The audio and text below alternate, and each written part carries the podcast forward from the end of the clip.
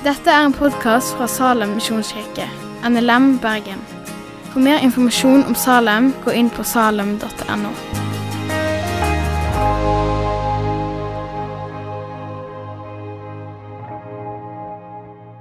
Jeg har fått eh, oppgaven om å starte en taleserie som eh, handler om eh, Galaterbrevet. Og når jeg ble spurt om det, så svarte jeg, så svarte jeg ja med en gang. Fordi at jeg synes når vi skal få lov til å legge ut fra en bok i Bibelen på en sånn måte, er det jeg sykt interessert i. Så det jeg har valgt å kalle denne talen Jeg har fått en tekst, Galaterne kapittel 1, vers 1-8. Men det jeg har valgt å kalle talen, det er det falske evangeliet vi alle dessverre fristes til å tro på. Fordi at eh, vi er lært opp til at vi får vår verdi ut ifra hva vi gjør. Bare tenk på hele barndommen og skolesystemet vårt. Når vi går eh, helt nede i første klasse, så husker jeg at eh, vi, hadde, vi hadde, når jeg gikk i første klasse, så hadde vi sånn eh, at du kunne få stjerner ut ifra hvor god du var den uken. Og Hvis du fikk fem stjerner, så fikk du med deg hjem en diplom som var da hadde du vært en god elev. Og Så kommer vi videre på barneskolen, og så blir vi gradert ut ifra hva vi får til. Og Så kommer vi til ungdomsskolen, som er enda mer utfordrende, for da plutselig begynner vi å få karakterer. Og folk begynner å stemple oss som at du kan dette, og du kan ikke dette. Og Så kommer vi til videregående, eller For å komme oss til videregående så må vi ha gode nok karakterer på ungdomsskolen for å komme inn på den videregående vi ønsker. Eh, og så videre For å komme inn på det studiet vi ønsker, så må vi ha gode nok karakterer. Og når vi har klart å studere ferdig, så må vi imponere så og så mye på et jobbintervju for å få jobben. Og så når vi får jobben, så må vi imponere med å, med å, med å prestere for å beholde jobben og for å gå opp eh, stigende i arbeidslivet. Dette er en del av livet vårt. Det er slik det funker. Det er det vi er vant til. Og, og, denne mentaliteten, som ikke nødvendigvis er gal, den drar vi lett inn i vårt forhold med Gud. At vi lar våre prestasjoner være det som gir oss verdi. Og det kan være ekstremt slitsomt.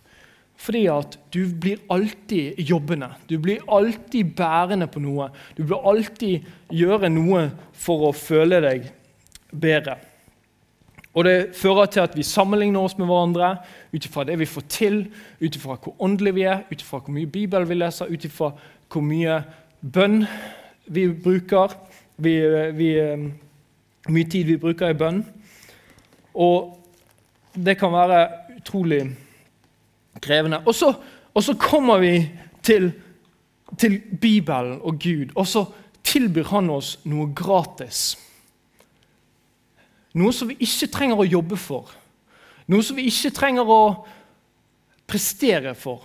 Noe vi ikke trenger å være og, og, og imponere på et, en, eh, et jobbintervju. Så kommer dette gratiset, og så sliter vi virkelig med å forstå hvordan kan Gud gi oss noe gratis uten at vi skal jobbe oss til å fortjene det. Hvordan kan vi tro at Gud kan elske oss utenom det vi presterer? Hvordan kan vi tro at vi har en verdi utenom det vi presterer, og de gjerningene vi gjør?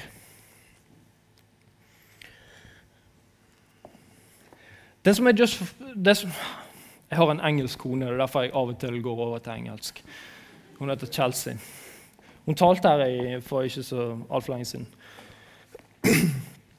Eh, det som jeg nettopp forklarte til dere, den utfordringen der, det er bakteppet til utfordringen Galatermenigheten står i. De står i der de er vant til at du får din verdi ut ifra hva du gjør. Du får din frelse ut ifra hva du oppnår, og hva gjerninger du gjør. Og Så kommer Paulus og forteller dem at For nåde er dere frelst ved tro. Det er ikke deres det er ikke gjerninger, for at ingen skal rose dere sjøl. Og så tror de på det en liten stund, og så går det litt tid før de som også forkynner fra Guds ord, andre enn Paulus, som heter de jødiske lederne, forkynner at ja, det Paulus sa, det er riktig, men det er tro pluss gjerninger. Eh, og Da skal vi se hva Paulus sier når han skal snakke til disse folka. Jeg skulle fått denne til å funke hvis eh, ja. Vers 1,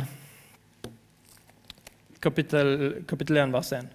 Paulus apostel, ikke av menneske eller ved noe menneske, ikke ved Jesus Kristi, Krist, eh, men ved Jesus Kristus og Gud Fader, som reiste han opp fra de døde og alle brødrene som er sammen med meg til menigheten i Galatia.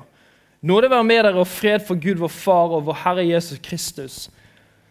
Han som ga seg selv for våre synder og forfri oss ut fra den nåværende onde verden etter vår Guds og Fars vilje. Han være ære i all evighet. Amen. Jeg undrer meg over at dere så snart vender dere bort fra ham som kalte dere ved Kristi nåde, til et annet evangelium Skjønt det ikke finnes noe annet. Det er bare noen som forvirrer dere og vil forvrenge Kristi evangelium. Men selv om vi eller en engel fra himmelen skulle forkynne dere et annet evangelium enn det vi har forkynt dere, han være forbannet. Som jeg har sagt før, så sier jeg nå igjen, om noen forkynner dere et annet evangelium enn det som dere har mottatt, han være forbannet. Paulus han, eh, han er hysterisk sur og sint og skuffet i dette brevet.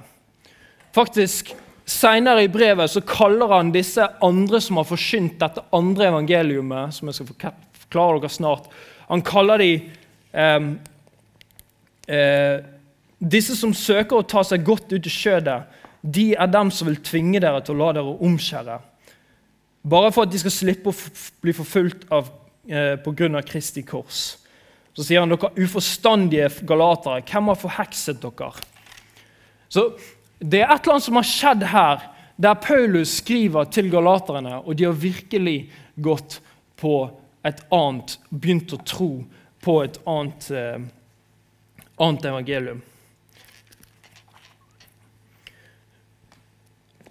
Og for at vi skal klare å, å forstå denne teksten, så Må jeg neste? Ja, den var jo Jeg glemte at den var der. Poenget er at Paulus er sur, og galaterne ligger tynt an.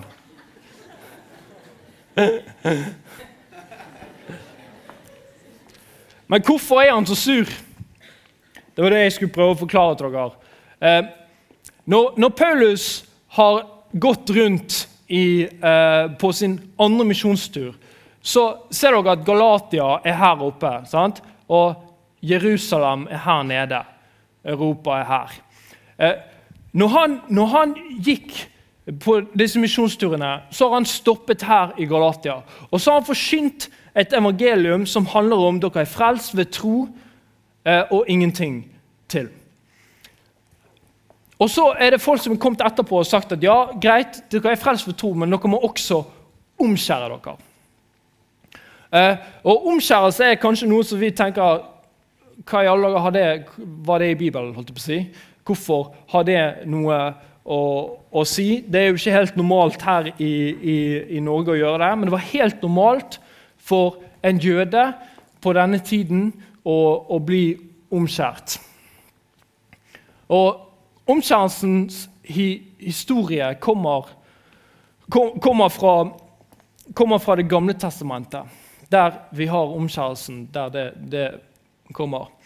Men, men, her så er vi inne i Apostelsgjerninga 15. Det er egentlig hele bakteppet for Galaterbrevet. Hvis vi klarer å forstå dette møtet og hva som foregår her, så klarer vi å forstå hele Galaterbrevet. Eller i hvert fall store, store deler av det. Fordi at Galaterbrevet er skrevet Det finnes forskjellige syn på det. Jeg skal ikke gå så veldig dypt inn på det. Det er enten skrevet på 40-tallet eh, etter Kristus eller på 50-tallet. Seint 40-tallet eller tidlig 50-tallet.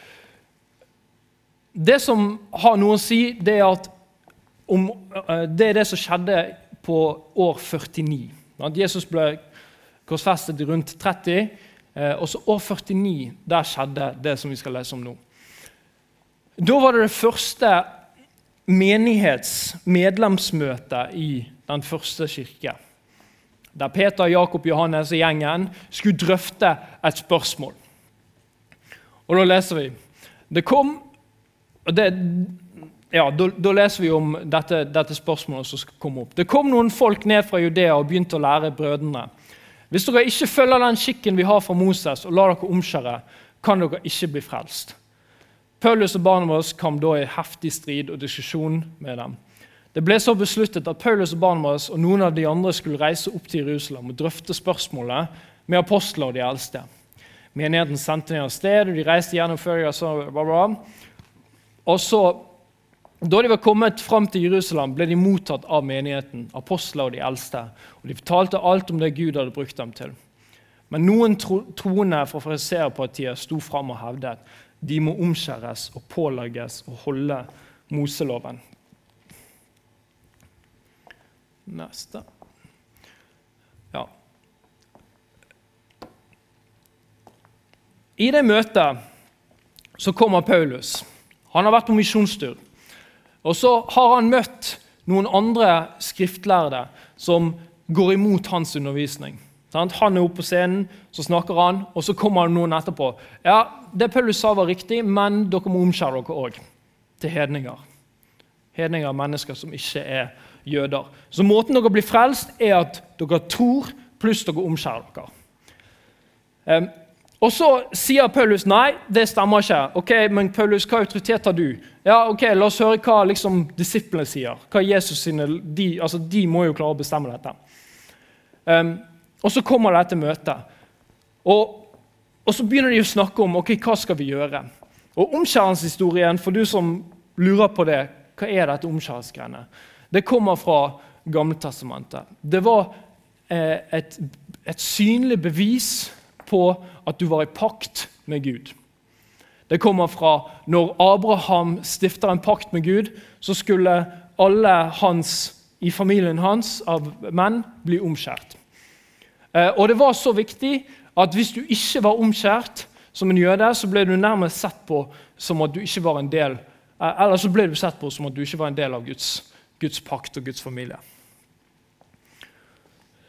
Der har du omskjærelsen. Så hele, he, hele Det gamle testamentet har jøder omskjært seg. Og de har sett på dette som en del av det å være en del av Guds familie. Men så kommer vi til, til det møtet. Hvis vi tar neste. Så leser vi om Peter, Jakob, Johannes, Paulus, disse disiplene som drøfter denne saken og er usikker. Hva er egentlig riktig? Hva skal vi gjøre? Og da leser vi Apostel de eldste kom så sammen for å drøfte saken. Etter en heftig diskusjon reiste Peter seg og sa til dem.: Brødre, dere vet at Gud for lenge siden utvalgte meg blant dere, så hedningen av min munn skal få høre evangeliets ord og komme til tro.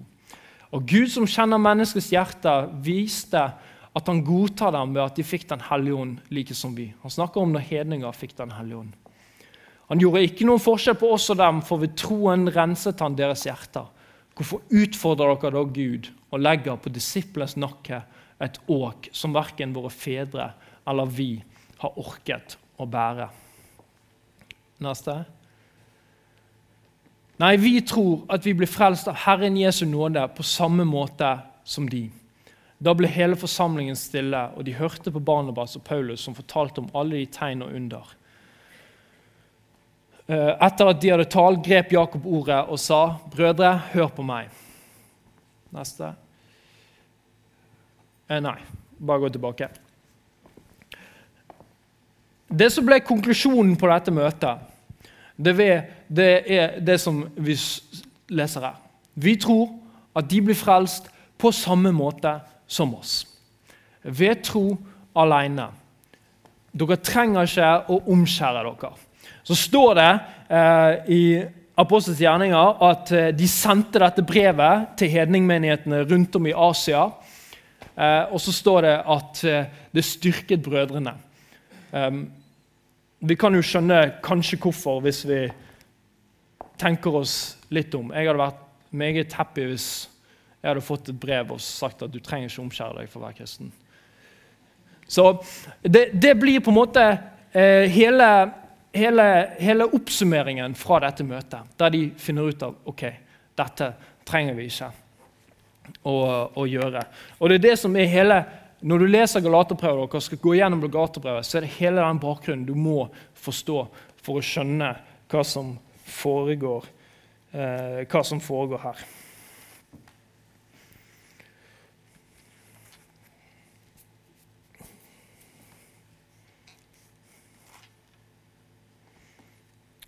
Og så er jo spørsmålet ok, Fint, det.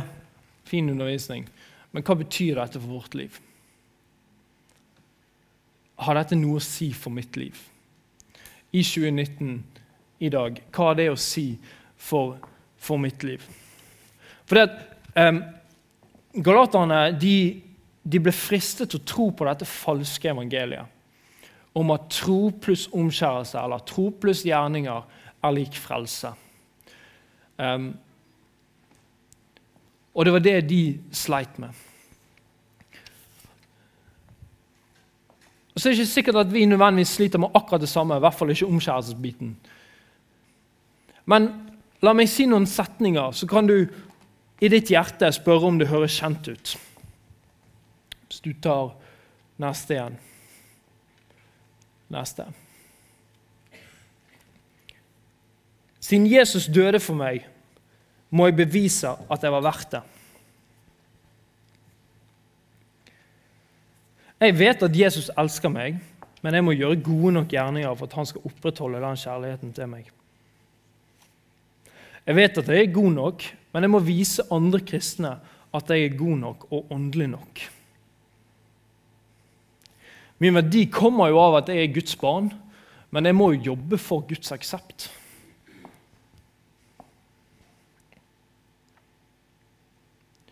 Jeg tror hvis vi er ærlige med oss sjøl, så er dette ting veldig mange av oss kanskje ubevisst tenker. Og kanskje bevisst òg. Og det er et falskt evangelie. Eller det vil si, det er ikke, du får ikke finne den friheten som evangeliet gir. Hvis du sitter og med disse tankene og ikke finner frihet fra det.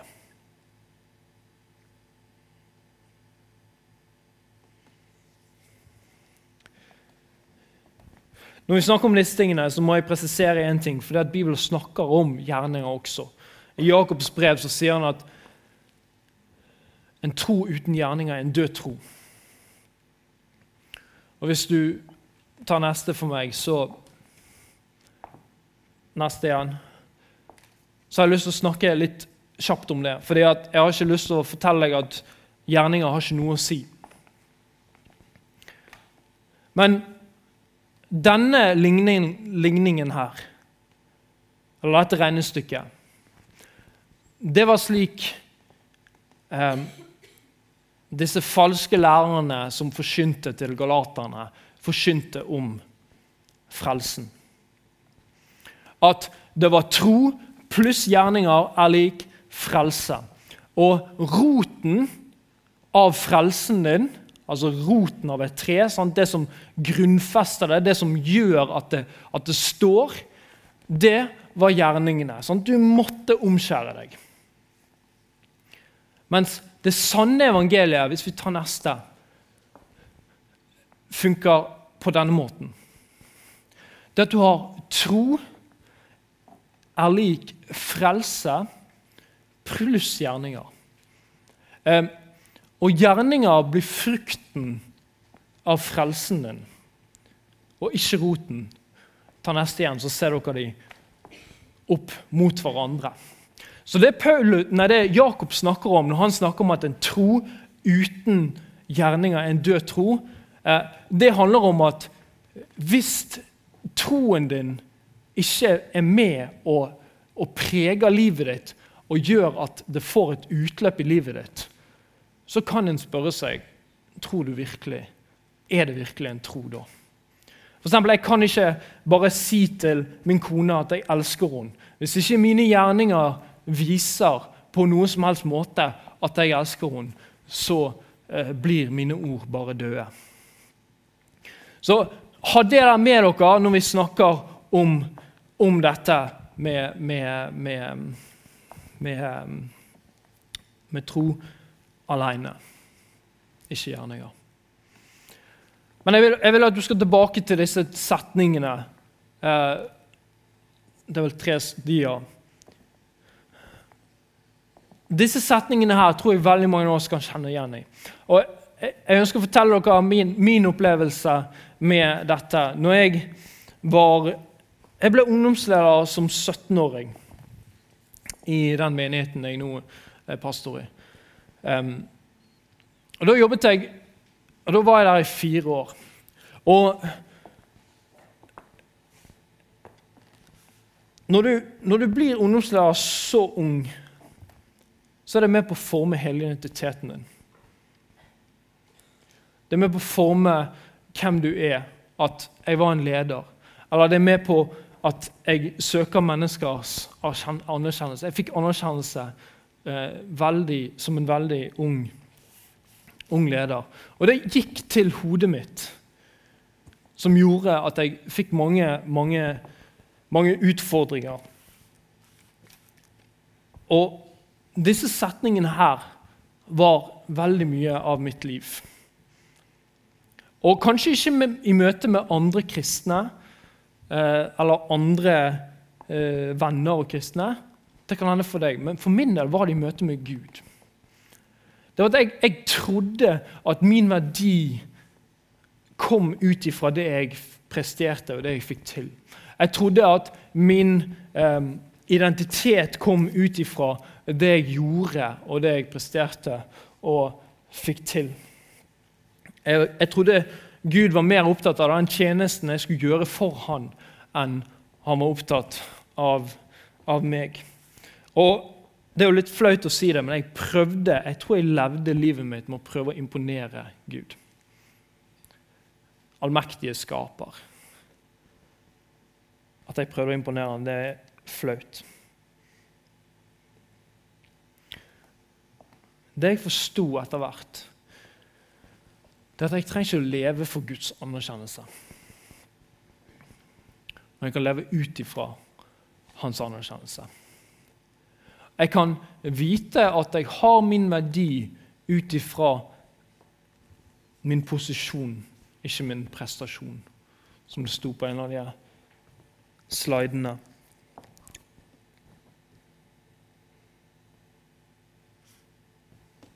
Det falske evangeliet er at vi tror at våre gjerninger hjelper oss med å få Guds anerkjennelse. At det hjelper oss med å få Guds frelse og oppnå Guds kjærlighet. Det sanne evangeliet er at vi allerede har fått Guds anerkjennelse. Vi allerede har fått Hans kjærlighet. Vi er allerede frelst. Det skjedde når Jesus ga oss alt dette på korset.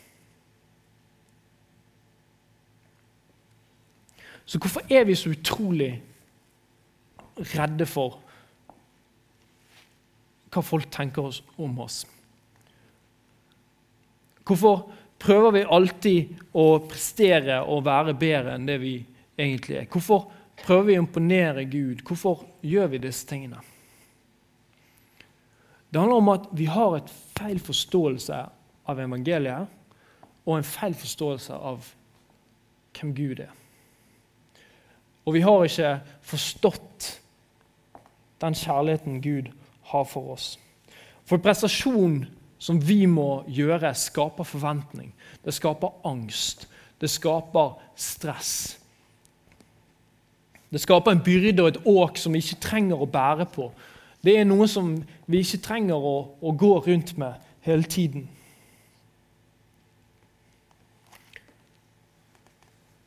Det kan like godt være forventninger Gud, du mener Gud har overfor deg, som er usanne.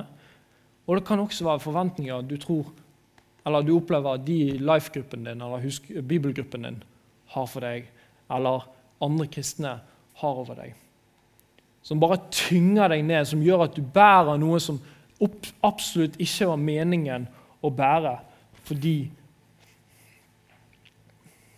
at du vil prestere.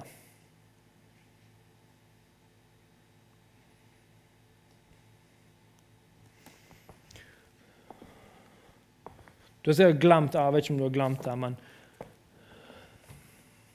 Jeg går med noe i dag som er helt tullete.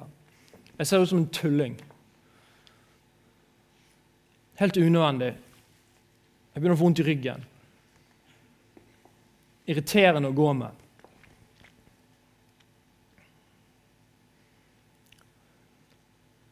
Og det er ingen som helst, det er ingen som har fortalt meg at jeg skulle gå med en ryggsekk i dag.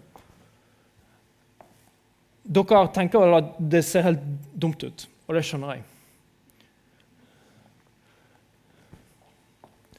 Eh, hvis vi bygger våre liv på et falskt evangelium der vi prøver å imponere Gud, der vi prøver å tilfredsstille Gud, der vi prøver å søke hans anerkjennelse, der vi prøver å søke menneskers anerkjennelse, andre kristnes anerkjennelse, pastorers anerkjennelse, så kommer du hele livet ditt til å leve med en ryggsekk eller en byrde som du aldri var ment å leve med. Eh, og det, det, evangeliet sier, det er at du skal få lov til å, lov til å ta det av deg. Og jeg har steiner oppi den sekken som representerer forventninger folk har til meg.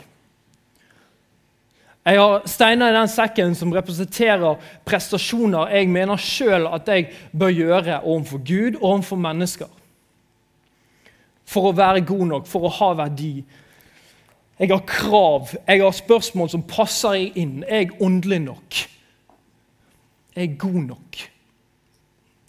Og det Gud vil si til oss gjennom dette brevet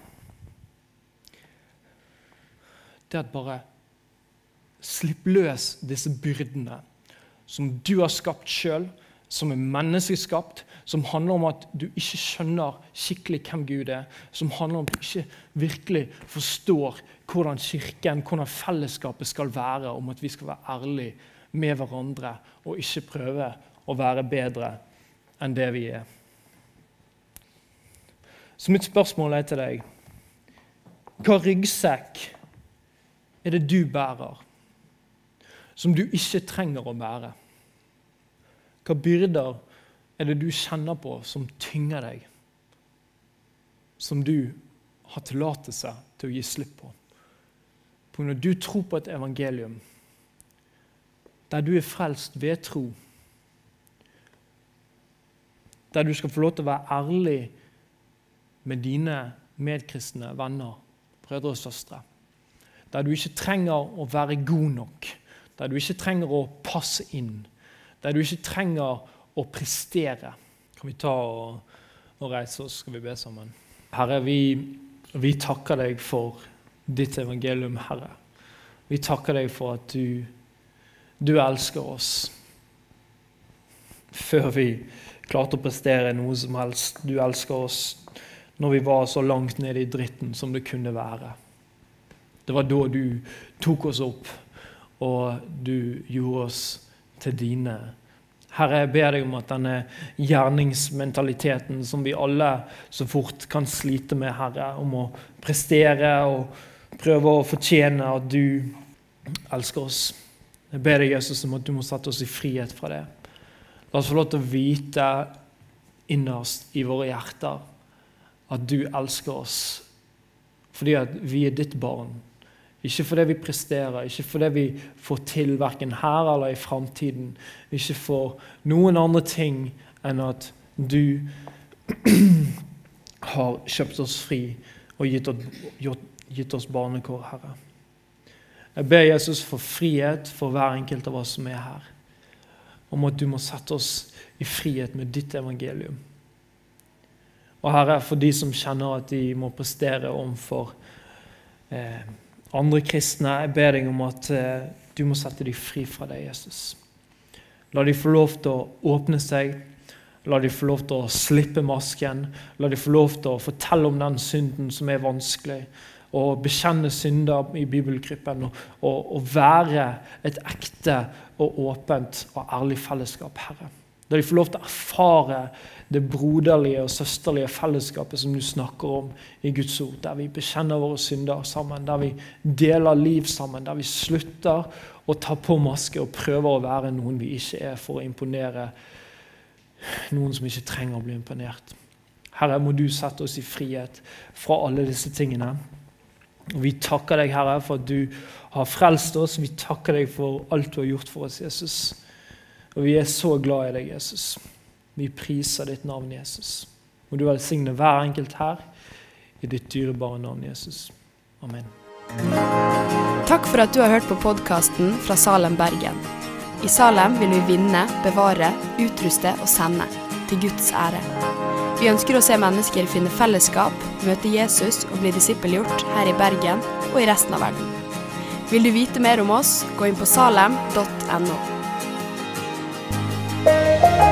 Oh.